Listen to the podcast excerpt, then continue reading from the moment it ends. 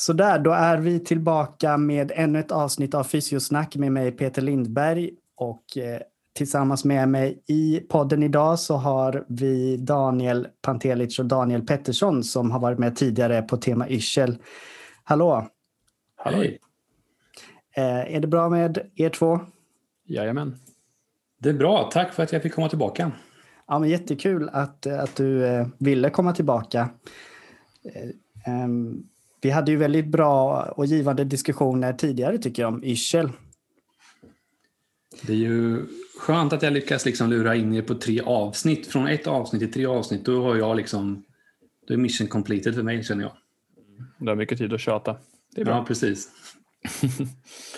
Nej, men jag tycker att det är, det är fantastiskt bra att vi belyser det här området med, med Yrsel och jag tycker ändå att vi har fått en väldigt positiv respons från, från andra också.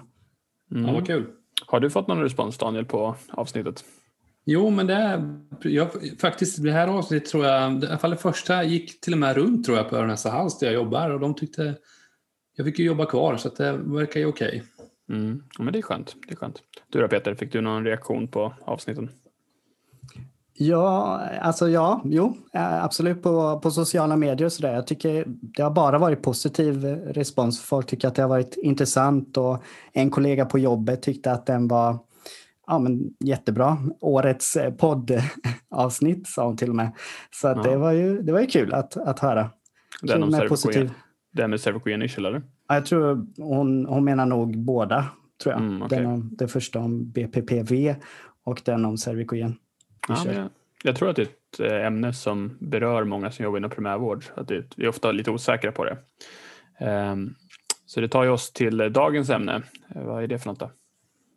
Ja, men idag då så ska vi prata om en annan eh, yrseldiagnos som heter PPPY eller 3PY som man förkortar det med.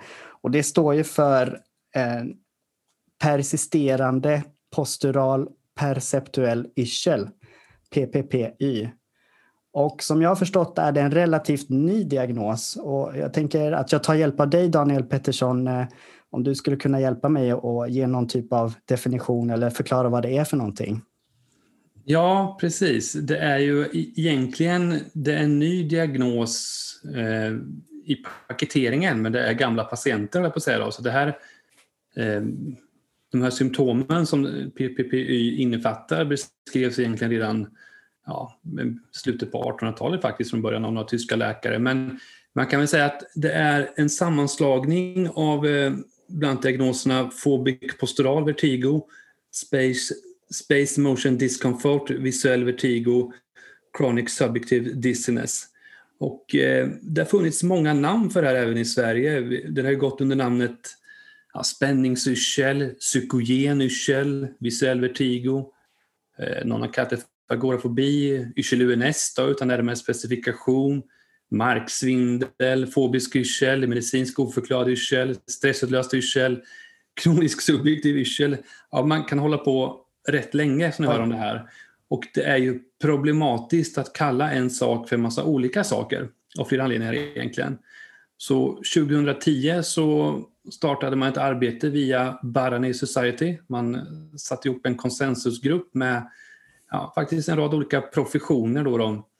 Det var både det var neurologer och psykologer bland annat som var med i den gruppen då, eh, med medlemmar från hela världen. Och 2017 var man klar och hade då omdefinierat de här gamla diagnoserna eller ompaketerat dem då till den här nuvarande då, som egentligen heter PPPD på engelska då, om man söker litteratur då, eller 3PD. Och på svenska då får det namnet PPPY då, Y är ju yrsel på svenska i slutet. Och Nästa ICD-uppdatering, ICD-11, så har den även en egen diagnoskod så det är ju viktigt att känna till den här diagnosen. Okej, okay, och eh, hur skulle du eh, definiera 3PI? Ja, här gäller det att hålla tungan lite rätt i munnen. det är ju persisterande postural perceptuell yrsel och för patienten säger det ingenting. Då. Men har man lite koll på den här andra diagnosen, BPPV, så vet man att ett av P i BPPV står för paroxmal, vilket betyder attackvis. Det första P i PPPY är persisterande, vilket betyder ihållande. Så det är ihållande och så är det postural i upprätt tillstånd framför allt. Perceptuell egentligen är att man, det finns inget egentligen inget fel på så sätt. Det här är ju en funktionell sjukdom och Y då, eller D då, yrsel eller dizziness då. Så ihållande i upprätt tillstånd, funktionell diagnos då av ostadighet eller yrsel. Då. Hur, eh, hur vanligt skulle du säga att det är att du träffar på de här patienterna, du som jobbar mycket med yrsel på heltid? Um, ungefär 20 procent av patienterna som söker till Örnäsa hals som har frågeställning kring vestibulär sjukdom har TPY. Så jag träffar ju TPY-patienter varje vecka. Eh, det finns mottagningar när jag bara har TPY-patienter på en hel dag. Och sen kan det dröja lite emellan också för den delen. Men eh, det har blivit en grupp också som jag ofta träffar som kommer utifrån faktiskt. Det vill säga att de kommer på jag vill egentligen inte kalla det för second opinion för de har inte haft någon utredning överhuvudtaget ibland. De har valsat runt och sen kommer de till mig. Så ibland träffar jag patienter från andra regioner som jag bara ställer diagnos på egentligen. Mm. Att, eh, men det är vanligt. Det här är ju den, den vanligaste yrselsjukdomen vi har bland unga och den näst vanligaste bland äldre. Så det är en jättestor grupp. Det är en ganska bred eh, diagnos, men skulle du kunna gå igenom hur du kommer fram till diagnosen när en patient söker just för yrsel? Vad är det som får dig att misstänka den och hur ställer du diagnosen? Det är, det är ett rätt gediget jobb egentligen för att patienten söker ju inte för att den själv tror att den lider av TPY utan den söker ju för en rad andra olika omständigheter. Det är vanligt då som man kan lyssna på avsnitt om cervikogen yrsel att patienten tror att det är nackutlöst. Och det kan också vara en patient som eh, har en annan sjukdom som korrelerar med den här sjukdomen så att den kanske har samtidigt en kristallsjuka och sen tror den att alla symptom som den har, har är kristallsjuka eller att den haft en vestibularisk nevrit för att ta några exempel på vanliga patienter hos mig. Då. Men det kan ju vara patienter som haft Eh, olika andra tillstånd som rena psykogena tillstånd utifrån att de har en, en eh, psykiatrisk diagnos, de kan lida av depression, de kan ha haft en panikångestattack och ja, det är en rad olika orsaker egentligen till att man kan eh, drabbas av TPI från början. Så att när de kommer in från början, patienten, så kan det vara extremt spretigt innan man har börjat undersöka dem. Så mitt jobb initialt, det blir ju att dels att titta efter om det, det som de söker för primärt, om det finns överhuvudtaget. Eh, många fall handlar det om att diffa bort framförallt ehm, eh, kristallsjuka hos dem och även att gå igenom anamnesen lång tid tillbaka och försöka hitta nyanser och skillnader i när saker har hänt egentligen. Mm. Och sen finns det ju diagnoskriterier. Så mm. jag utgår ju helt och hållet från dem. Jag, jag går slaviskt efter diagnoskriterierna till att börja med och tittar om de uppfyller det här överhuvudtaget. Mm. Skulle du säga att en, en person som, låt oss säga mig då, som inte har tillgång till en sån där stol som du har eller videofräntsel, eh, kan jag ställa den här diagnosen med någon form av säkerhet eller blir det mest en gissning? Nej, du kan absolut ställa den.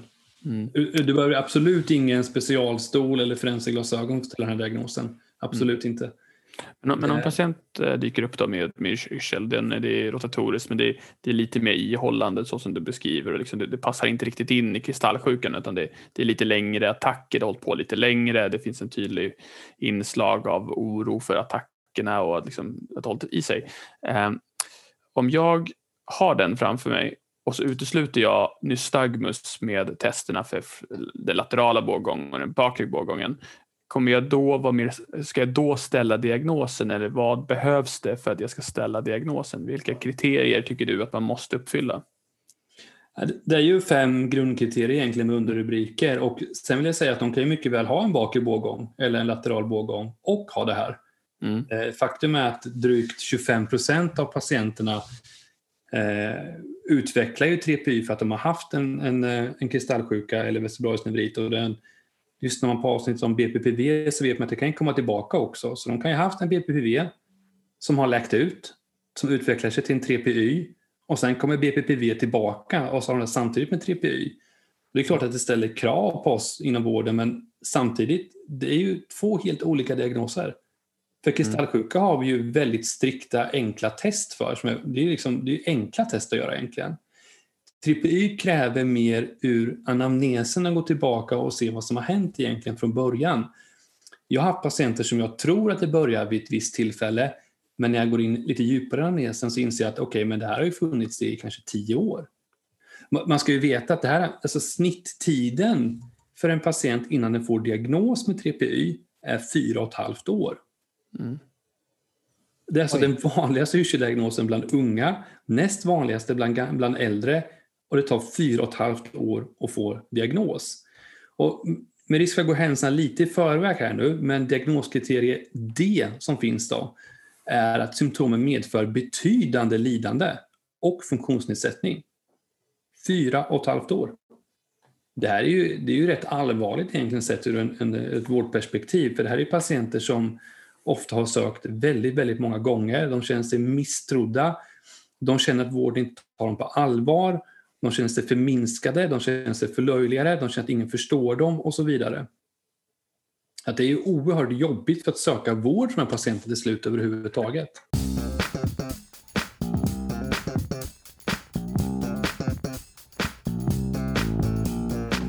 Ska vi ta, ska vi ta och gå igenom de här eh, diagnoskriterierna?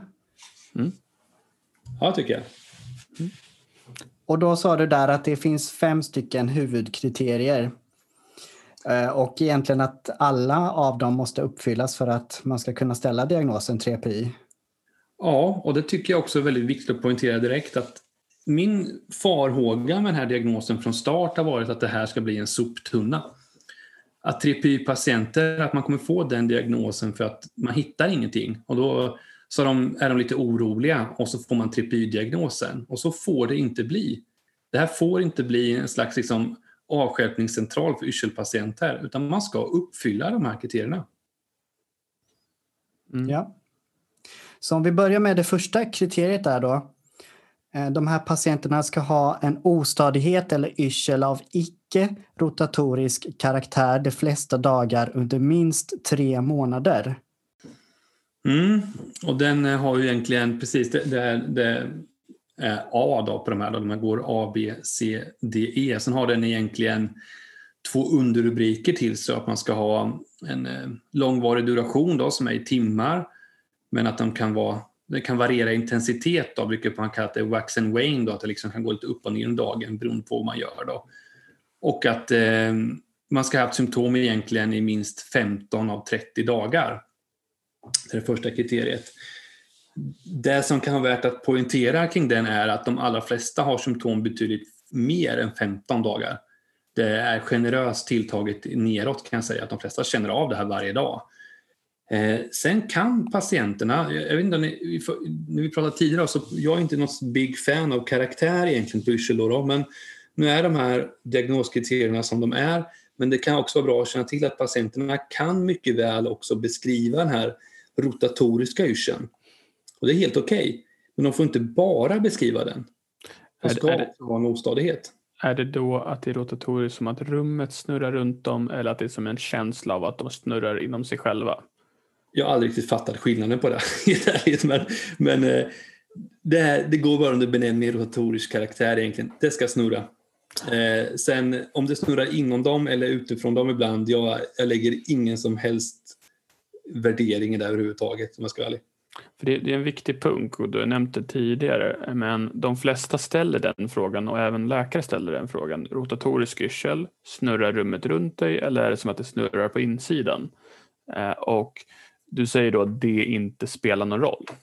Jag lägger ingen som helst vikt vid det, noll.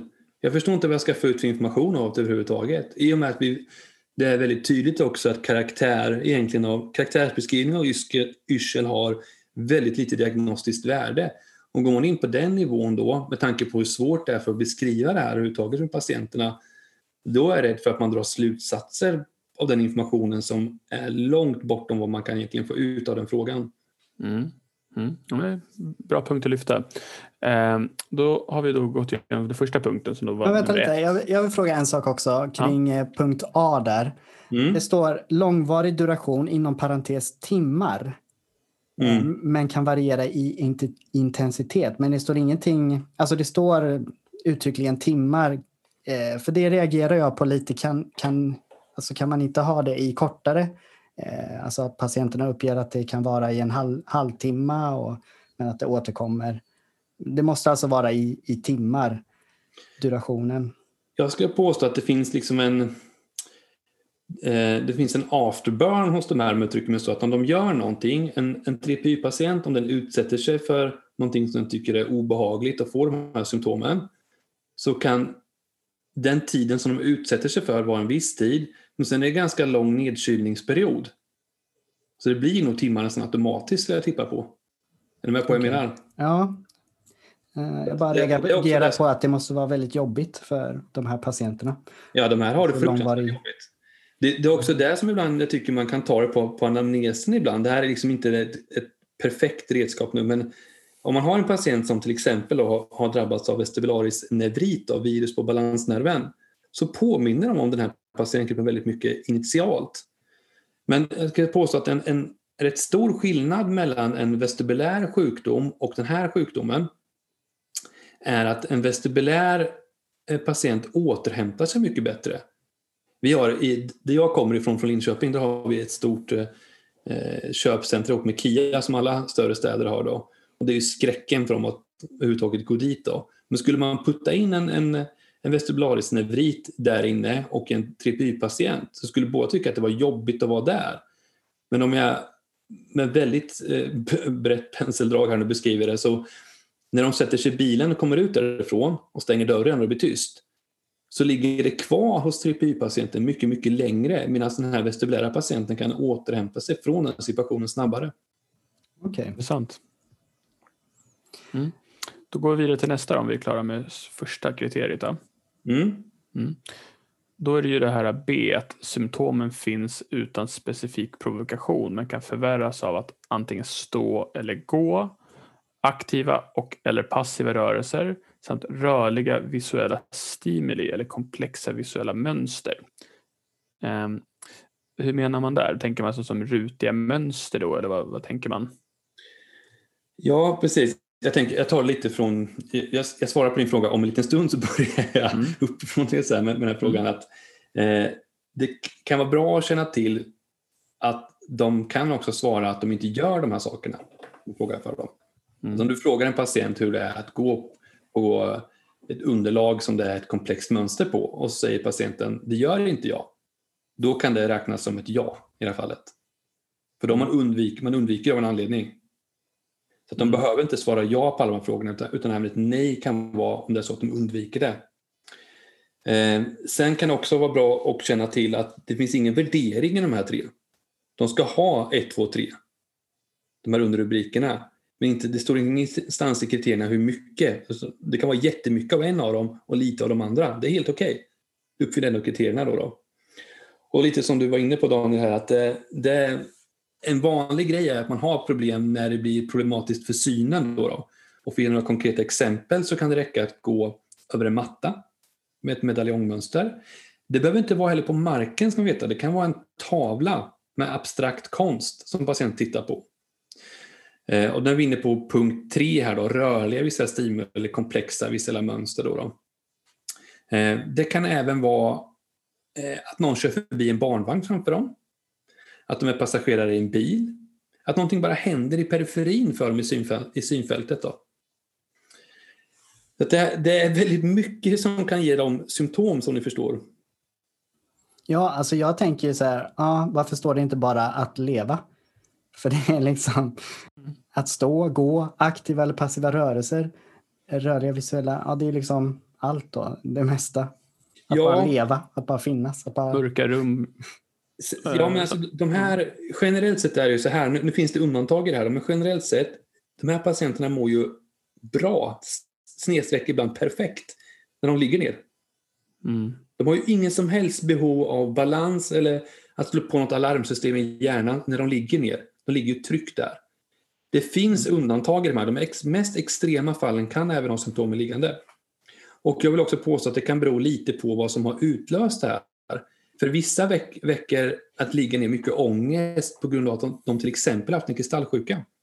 Och då vet de att när de la sig ner, då var det jobbigt. Sen är de allra flesta patienterna bra även i sittande, men det beror även på vad de sitter på.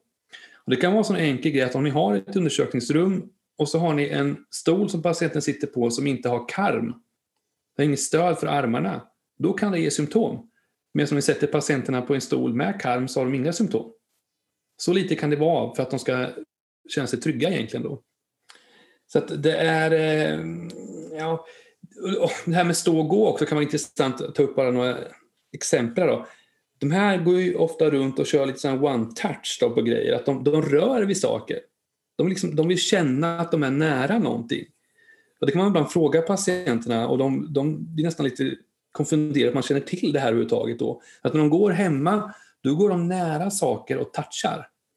Och många av patienterna kan ju klara av att gå och stå hemma i, när de har liksom kontroll, vet vad allting är i sitt hem, det är inte andra stimuli och så vidare, då funkar det. Men så fort de går utanför hemmet, då blir det problem. Och även ibland när de är ute och går så kan de lura en ganska rejält och säga att ja, men det går bra att gå ute. Men då visar det sig att de går inte själva ute. De går ju och håller någon i handen när de är ute. De ska aldrig få för sig att gå ut själva. Så att det gäller verkligen att lyssna in på de här punkterna också, vad det är patienten gör egentligen. Mm.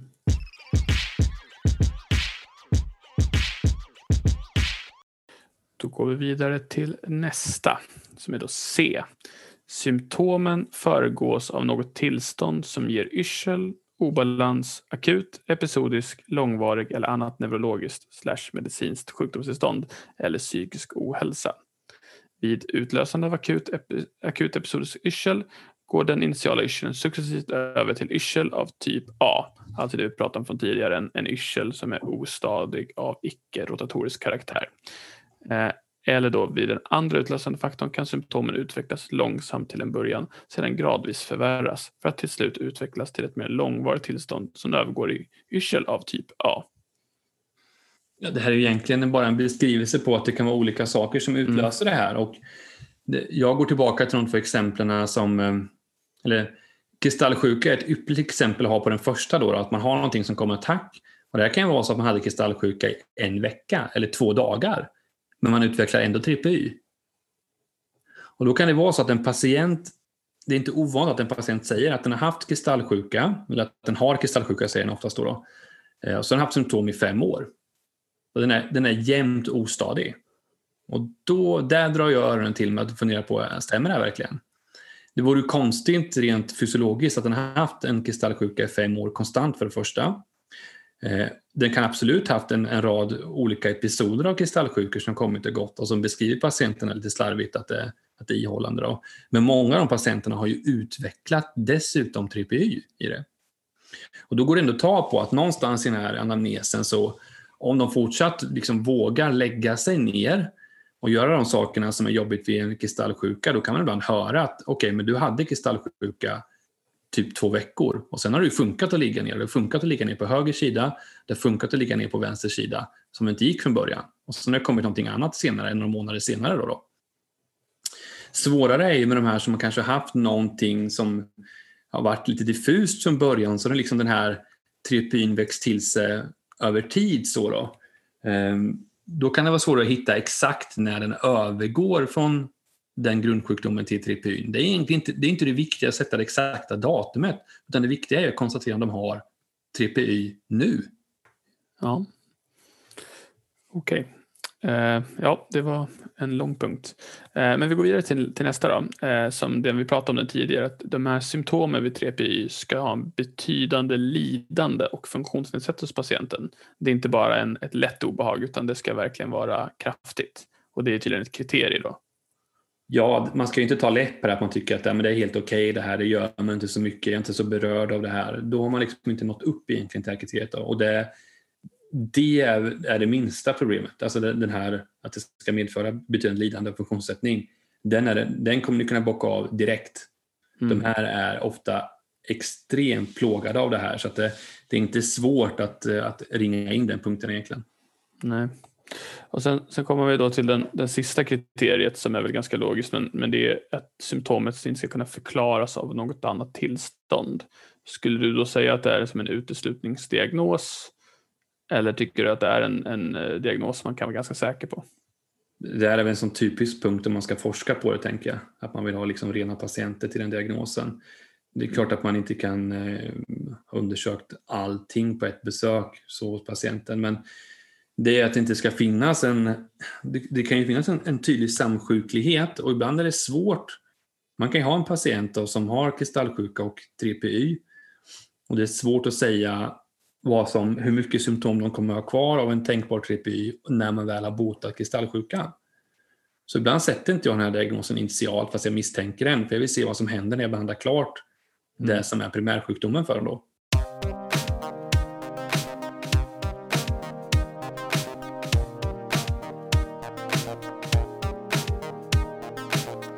Hur, hur gör du då, då när du, när du säger att du ställer diagnosen? Hur, jag förstår att behandlingen kan vara ganska olika per patient, men, men hur ser en typ behandling ut? Eh, undersökning tänker du, eller behandlingen? Behandlingen. Eh, alltså behandlingen för de här, det är egentligen tre olika saker man gör med dem. Och det beror ju eh, lite på vad man har framför sig också. Men i, i, grovt kan man säga att det är vestibulär rehabilitering då, som är lika ibland konkret som ordet sjukgymnastik. Eh, och så är det ibland medicinering då, och då är det SSRI-preparat eh, som man eh, sätter ut till dem då. Och så är det KBT också då. då. Och av de tre än så länge så är det minst bevisbörda att det hjälper KBT då, framförallt på sikt då, eh, hos de patienterna. Och eh, man, det kom en ganska ny studie nyligen nu när man har tittat på, på vestibulär rehabilitering också med patienterna och fått ett väldigt fint resultat. Eh, så att där ehm, mer, mer konkret vad man gör med dem. Kan, man kan väl säga så här då, att det allra, allra viktigaste i den här diagnosen överhuvudtaget det är att kunna förklara för patienten vad de lider av. Det är den, den absolut främsta behandlingen. Att kunna ge en förklaringsmodell till det här. Och det, man ska kunna förklara det så pass bra tycker jag till patienten att när den kommer hem ska den kunna förklara för någon anhörig vad den lider av. Då har man lyckats tycker jag. Att inte de kommer hem och sen säger jag fick den här P, vad var det nu, PP, ja, något med P. Ja, det var någonting, ja, de hittade inget fel men ja, jag yr i alla fall. Mm. Då, då har man verkligen inte lyckats, tänker jag. Mm. Så att jag, initialt börjar jag väldigt mycket med att gå igenom patienten, vad man har undersökt med dem. Att jag hittar inte någon kristallsjuka, vi undersökte noga och ibland gör vi andra undersökningar också. Man kan peka på att det, det är inte fel på de här systemen. Och så har man gjort en, eh, ett utvidgat status på dem, vilket innebär att jag gör en del balanstester på dem. Och det här är ju en intressant patientgrupp, för de här är ju väldigt ofta avledningsbara. Och några konkreta exempel här. Man kan alltså ställa patienterna i ett ja, egentligen valfri position beroende på hur, hur, hur dåligt skick de är. Då. Men låt säga att man får stå med fötterna ihop nu som exempel. Då. Och så vinglar de lite där.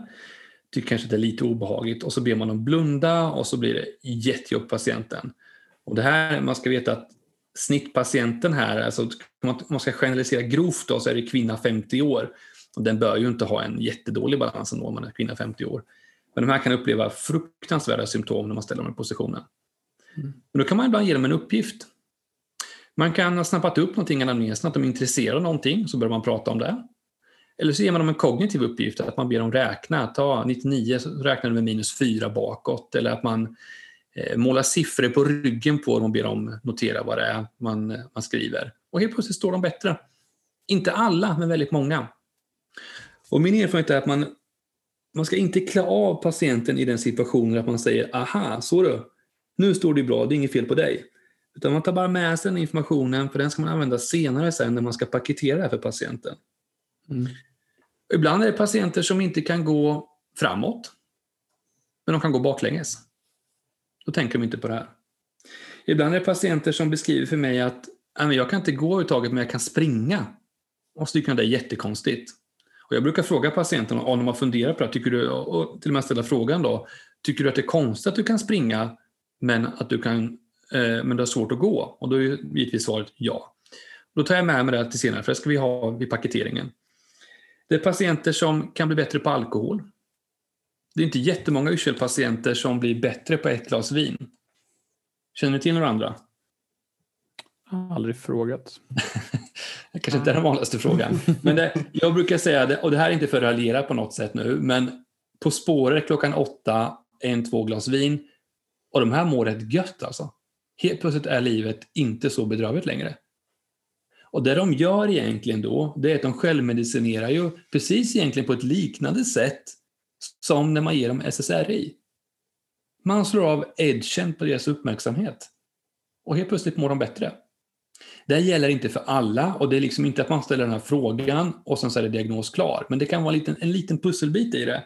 Och det kan vara bra att förklara, framförallt om patienten ska medicineras senare, så det är bara att man kan förklara varför man då vill att de ska medicineras. Mm. Eh, det här med springa då, varför, blir de, varför kan de springa för då? Och så kan de inte gå. Det är inte så att de inte kan gå, men de har symptom när de går då. Ja, när de springer, då slår de på lite mer autopiloten i kroppen. Så att de hinner inte värdera varje steg. Utan det går ju liksom pang, pang, pang, pang, kommer ett nytt steg. Minst tänka där. Och det, är rätt intressant att de, jag har haft de som har idrottat på ganska hög nivå som har ganska mycket symptom. Man skulle aldrig kunna tro att de har så mycket symptom med tanke på vad de ibland också klarar av att göra. det, är en, det är en knepig patientgrupp på så sätt att de berättar ju inte alltid allting för en också för de tycker att det är pinsamt. De, tycker, de känner sig ju konstiga i det här. Eh, vad finns det mer att säga om, om själva undersökningen då? Nej, men jag tyckte du fick med det att du, du undersöker allt som har med balansen att göra för att utesluta eftersom ett av kriterierna var att det inte kunde förklaras av något annat. Och sen så plockar du med dig olika anamnestiska små guldkorn för att senare paketera ihop det. Ja. Har, jag fattat, har jag fattat det rätt? Precis. Mm. Ett, ett bra exempel för patienten att ge då, för att det här är ju, det här alltså är ju en grupp som eh, har ett aktiveringsmönster i kroppen som är lite intressant. Och det har man faktiskt gjort. Man har gjort studier egentligen på den här eh, fobiska yrselgruppen och som påminner förr mycket om den här eh, patientgruppen. Eh, och det man gjorde egentligen då var att man mätte eh, aktiveringen i, jag tror det var tibialis anterior och soleus i, i underbenet.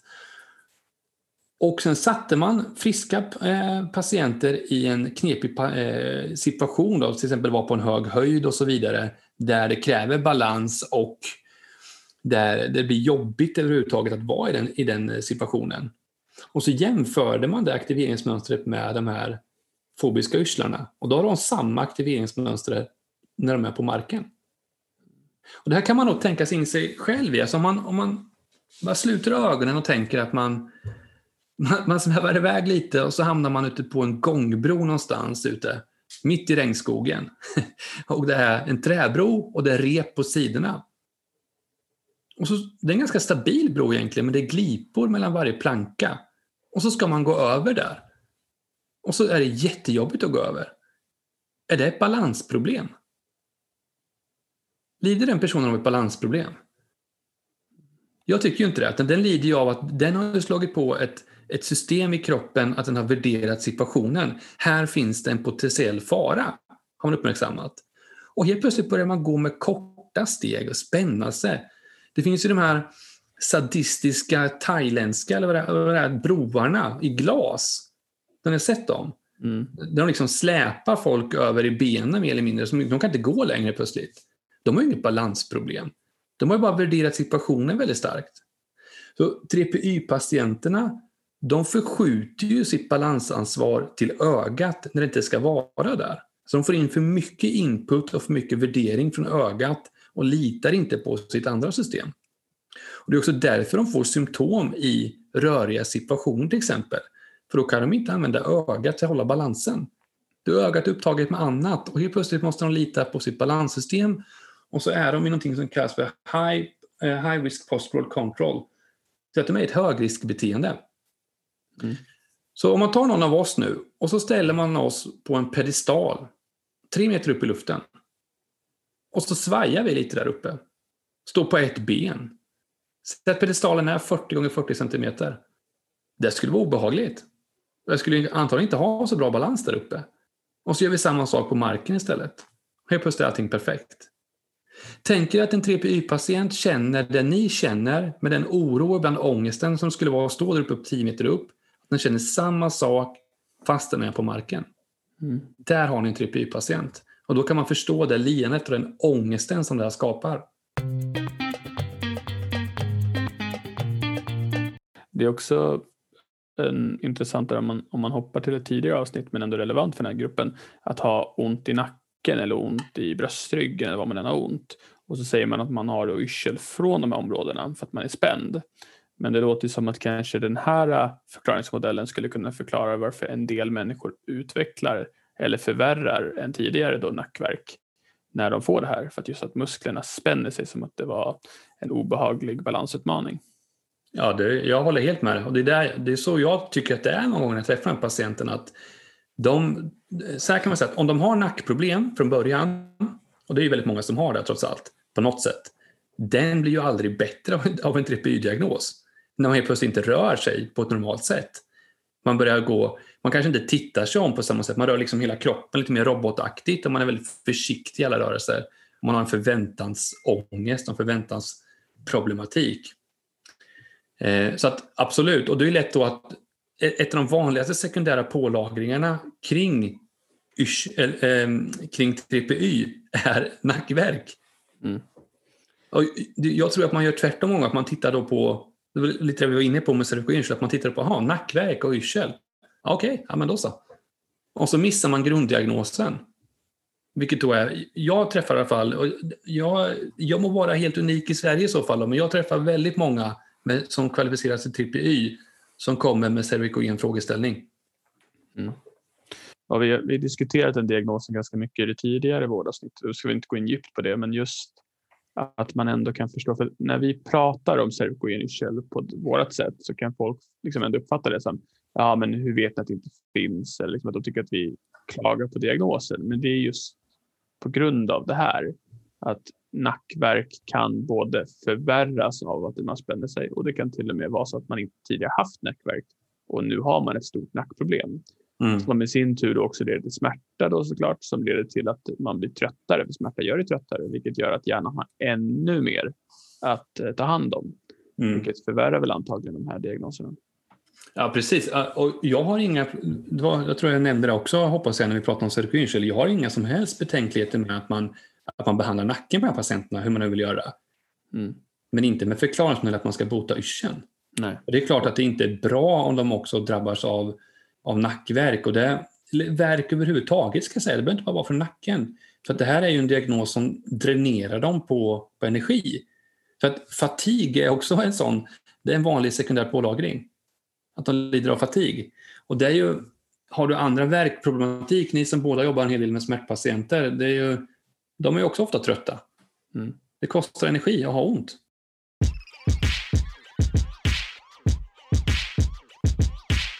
Okej, eh, men hur ser prognosen ut för de här patienterna med 3PY skulle du säga? Det är ju en klart behandlingsbar diagnos. Ehm, sen är det ju väldigt mycket från fall till fall hur det går för patienterna. Jag skulle påstå att bättre blir ju alla i princip. Bra blir inte alla. Och Det beror ju också lite på vad det är för patient man har framför sig, vad de har med sig i bagaget. Det kan ju vara någon som har andra sjukdomar som försvårar det här extremt mycket. Ehm, ett bra exempel då på när det kan bli riktigt komplext till exempel med prognosen.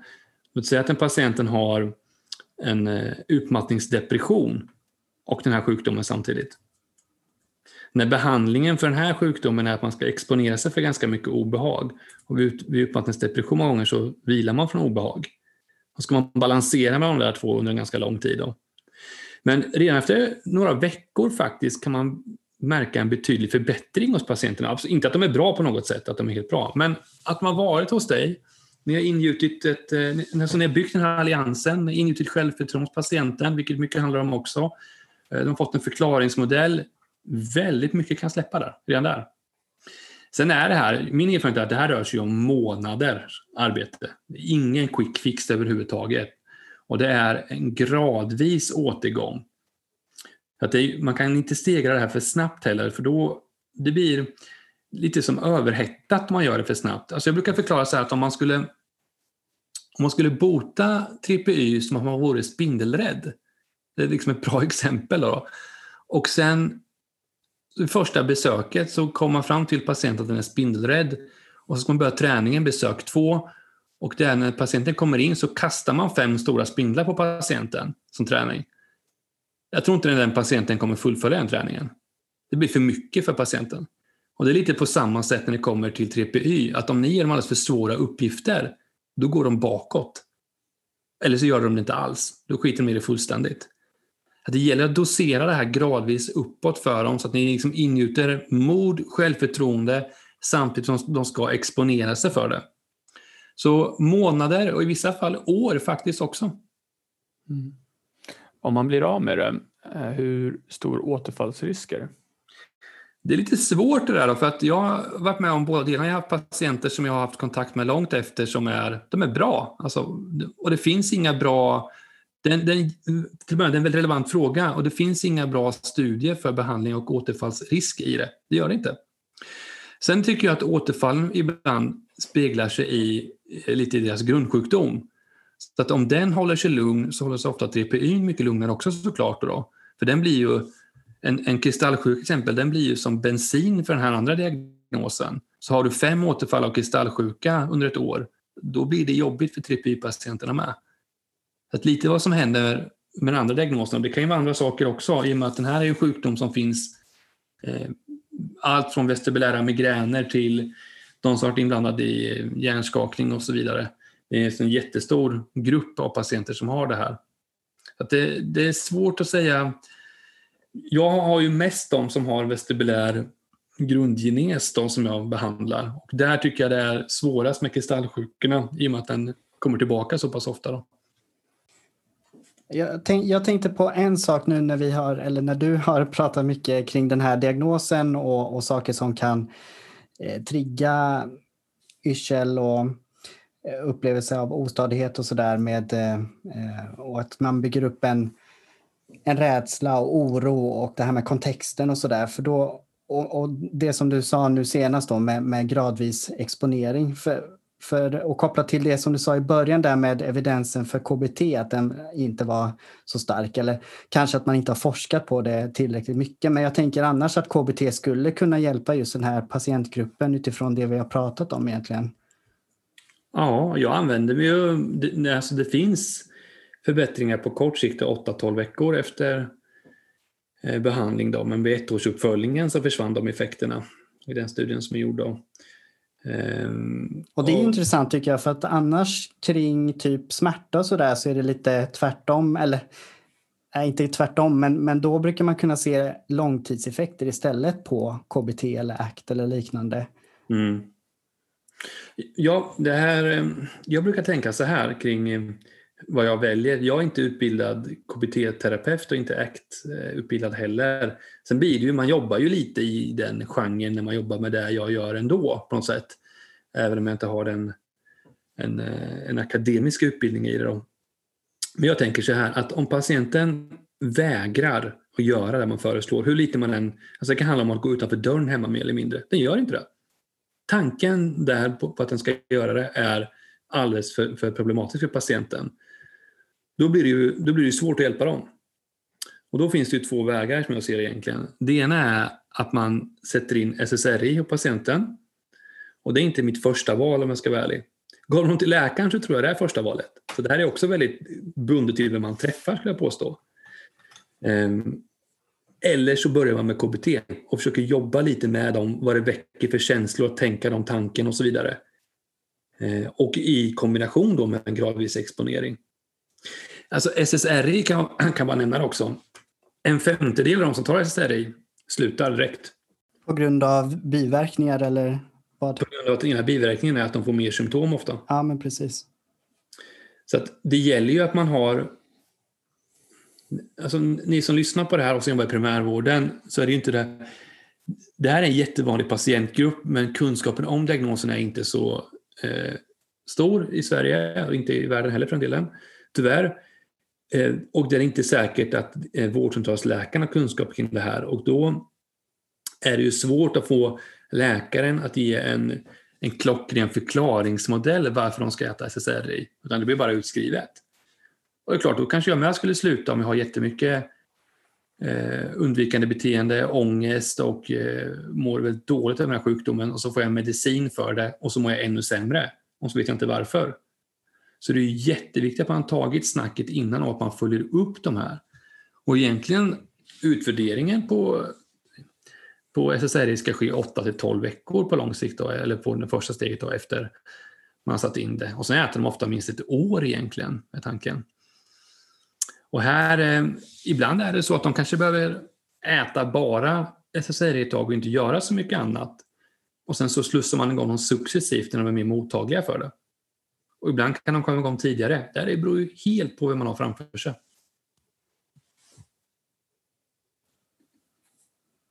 Mm.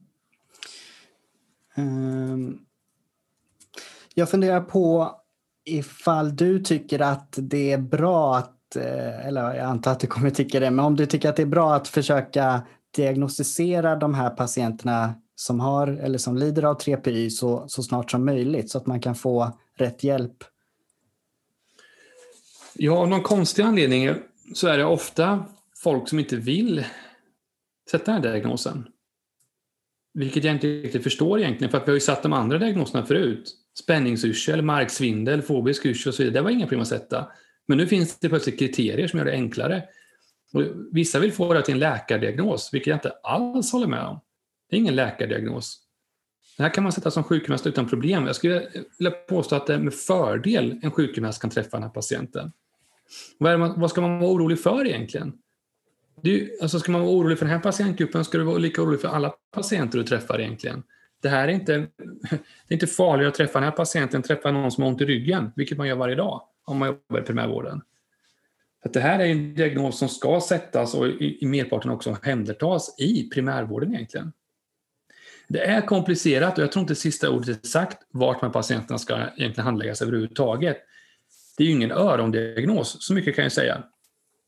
Vi, det jag jobbar har utgått från, från grundgenesen. Då, då och, ehm, det har att göra med att om de har en vestibulär sjukdom så kan det vara svårt kanske i primärvården att diffa om de, har, när de är så extremt ångestdrivna i det här. Eh, och det, det, kan jag köpa, det, ja, så kan jag tänka mig, men vi kan inte ta emot alla trippy till öron. Så att de här ska ju ha en diagnos så snabbt som möjligt och, Eh, och det är inte bara primärvården ska jag säga neurologen och andra enheter som jobbar med neurologi, de här patienterna finns jätteofta där också. Och där är kunskapen inte bättre eh, än vad det är i primärvården. Mm. Ja, jag tycker att det är toppenbra att det finns eh, fasta, tydliga diagnoskriterier. Så att jag kommer definitivt att använda mig av dem eh, efter i praktiken. Jag, jag, tar också till mig mycket av den här diagnosen. Jag, jag har tidigare kallat det för fobisk yrsel men har ju lärt mig nu att det, det är fel. Eller i alla fall det är nya, nya rön. Um, jag tycker att det är bra att vi har samtalat om det. Jag tror att det kommer hjälpa många som lyssnar. Um, faktiskt. Jag tänker, eh, man behöver kanske, eller bör, vad tänker du eh, Daniel, bör man jobba liksom interprofessionellt, eh, samarbeta över olika professioner med de här patienterna eftersom att, att det är vanligt med samsjuklighet och, och så? Det kan man absolut göra. Jag, vi har precis startat eh, ett samarbete på min klinik där vi har fått in en psykolog, vilket är superintressant tycker jag. Eh, så att eh, hon och jag ska framöver kommer nog ha nog en hel del samröre kring de här patienterna. Och det behöver absolut inte vara en psykolog, ska säga. det kan vara andra yrkeskårer också för den delen. Eh, och I vårt fall är det ofta läkare, jag och eh, på sikt av vår, vår psykolog också. Men på vårdcentral, det kan nog vara både läkare och eh, arbetsterapeut kan jag tänka mig också som kan vara inblandade i de här patienterna. Mm. Och nu insåg jag att jag inte nämnde kiropraktor, men det, det, ni också. Ja, nej, men vi, vi löser ju de här såklart själva. Ja. Vi behöver inga andra. Sorry. Nej, men skämt åsido, det är klart att man kan samarbeta, men jag tror inte man... Eh, I många fall så får jag ändå känslan av att det här är någonting som man kan sköta själv inom primärvården med ganska lite resurser. Ehm, man behöver inte dra på stora släggan direkt utan som du sa, ge information om tillståndet, se till att patienten förstår det, svara på frågorna, ge tips och förslag om olika övningar. Jag tror att det räcker långt. Ja, absolut. Eh, det, man ska liksom inte göra det här mer svårt än vad det är. För att det som jag sa i början, det, det jag är orolig för det är att man gör det här till någon slasktratt, det är det ena. Att liksom man bara stoppar alla patienter i den här påsen. Och det andra är att man gör det här till en eh, extremt abstrakt diagnos med massa, massa behandlingar som man har hållit på med förut i andra sammanhang och så applicerar man det på de här patienterna utan någon förklaringsmodell. De ska liksom bara träna sin balans. Och det räcker inte. För de, det är som att säga till en spindelrädd att behandlingen är så här, okej, okay, nu från och med idag så kommer jag kasta en spindel varje dag på dig. That's it, det är behandlingen. Du får ingen förklaring till varför vi gör det någonting, utan det, nu är det det här som gäller. De, så de måste ha en förklaringsmodell, de måste gå igenom allting från början, de måste diffa bort andra orsaker. Det kan finnas katastroftankar, är det inte en hjärntumör, är det ingenting farligt och så vidare. Allt sånt måste bort först, så att ni liksom har en patient som är, är mottaglig för er behandling. Mm.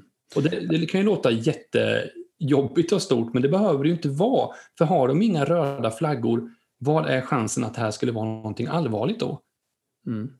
Jag tror att det blir väldigt likt hur vi behandlar de som har rörelserädsla och katastroftankar kring sina ryggar. Att, eh, det är klart att det är bra att de tränar, men om man säger till dem att de ska träna för att skydda ryggen för att det är när de har en skör rygg. Att man ger dem marklyft för att de måste vara starka eller de måste lyfta med rätt teknik eller de måste ha stark core eller vad man än säger till dem. Så hjälper ju inte det om, det, om de har en föreställning att ryggen behöver skyddas eh, och att det går sönder annars. Och det är väl lite som du säger att de här patienterna, det är klart att vi kan göra balansövningar men de måste förstå att grundproblemet kan vara att hjärnan katastrofreagerar på, på vanliga balanssignaler. Det är ett jättebra exempel med ryggarna tycker jag, för det är precis så liksom att man den här förväntansproblematiken, en patient som böjde sig framåt fick ett, ett, ett lumbago och sen böjer den sig aldrig framåt igen. Mm. Att den vet att det var då det hände. Och så här bygger de här patienterna upp massa funderingar kring saker de ska göra. Liksom, bara de liksom börjar grubbla på att mm, imorgon ska jag åka dit, så liksom vänder det sig i magen på dem. Och det är ju ett jättepåslag i limbiska system för de här patienterna. Det är ju en det är en jättestark koppling upp till amygdala med oro och rädsla för de här. Och det kan ge väldigt många reaktioner såsom, ja, de kan ju både få att de, eh, att de får en, en pulsökning de är, att hjärtat börjar slå snabbt på dem, att de blir oroliga för det. Eh, och de kan bli illamående också för den delen. Kräkningar brukar inte förekomma i den här gruppen, men det finns säkert något undantag. Men illamående finns definitivt. Mm. Ja, nej, men det är en eh, viktig diagnos ehm, och att den hanteras på rätt sätt. Jag tror att felhanterat så tror jag att det här kommer bli en ganska resurskrävande patient. Både ur ett sjukskrivningskostnader, eh, kostnader för anhöriga och sen även vårdkonsumtion. Så det är viktigt. Ja, med tanke på hur länge de ofta har sökt då. Jag, jag har haft patienter som har sökt alltså mellan 20-30 år för någonting som låter i alla fall som att de har haft TPY under merparten av den tiden. Och sen som Vissa blir ju väldigt känslosamma när man sätter diagnosen för dem. Att de, dels att de känner igen sig så mycket. Jag brukar ju jag går ju igenom, slänger på den här artikeln som Poppy Kirov har, har gjort då, som ett lästips för er som vill veta mer om det här. Då. Ehm, och sen går vi igenom lite grejer från den. Han har väldigt bra bilder i den artikeln. Så går vi igenom dem och de, det är mer liksom att de bara bockar av. Och de, de kan ju bli gråtmilda för att de känner att varför, varför får jag reda på det här nu? Varför har ingen någonsin sagt att det här finns? Att jag, nu, nu förstår jag varför jag reagerar som jag gör i vissa situationer. Och när de förstår varför de reagerar som de gör så kan de ju börja förhålla sig till det här så småningom också. Mm. Startar förändringen. För, ja, för vissa absolut. Jag löser ju inte alla de här heller på något sätt men jag, jag kan ändå känna mig stolt över att jag vet att jag har hjälpt, jag har hjälpt väldigt många med TPY e som har haft ett väldigt, väldigt långt lidande. Och det här, mina två favoritdiagnoser egentligen är ju BPPV och PPPY. Jag har liksom inriktat mig på förkortningarna. Och det är ganska roligt för att BPPV är ju en quick fix. Där kan man ju ibland träffa patienten en gång och så det, man ser dem aldrig mer. Medan TPY-patienterna vet att de kommer träffa många gånger. Och de är, de är roliga och intressanta på helt olika sätt egentligen. Att, jag tänker att om man, att jobba med yrsel är, är väldigt brett egentligen, fast ett väldigt smalt område.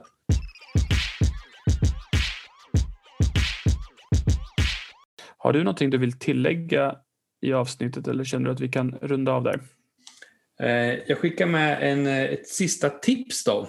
Mm. Att tycker man att det här är något som helst intressant att träffa eller jobba med yrselpatienter så rekommenderar jag att man går in på Facebook och går med i gruppen Yrselnätverket. Mm. Där min förhoppning är att man ska kunna ta hjälp av kollegor runt om i Sverige och få tips när man har träffat patienter eller bara få tips om saker överhuvudtaget egentligen. Så att eh, gå med i Yrselnätverket på, på Facebook. Mm. Jättebra. vårdgivare ska jag säga också. Bra tips, bra tips. Jättebra initiativ av det också. Mm. Och så har du en kurs också som jag vet att du inte lyfter, men det finns en kurs som Daniel håller. Den är bra. Ja, det gör det också. Eh, om man vill veta ännu mer så är man jättevälkommen att eh, nu är det ju digitalt nu i dessa tider, men är man, eh, är man intresserad så kan man eh, pejla in på revkurser.se så finns det mer information där. Mm. Toppen. Men Snyggt. då tackar vi för idag då. Tack för ditt deltagande Daniel. Tack så mycket för att jag fick komma. Jätte, tack. Tack. tack. Hoppas eh, ni båda får en trevlig Lucia. Om Mm. vi inte hörs innan dess. Mm. Tack detsamma. Mm. Ha det bra. nu. Tack. Hej. Hej då. Hej då.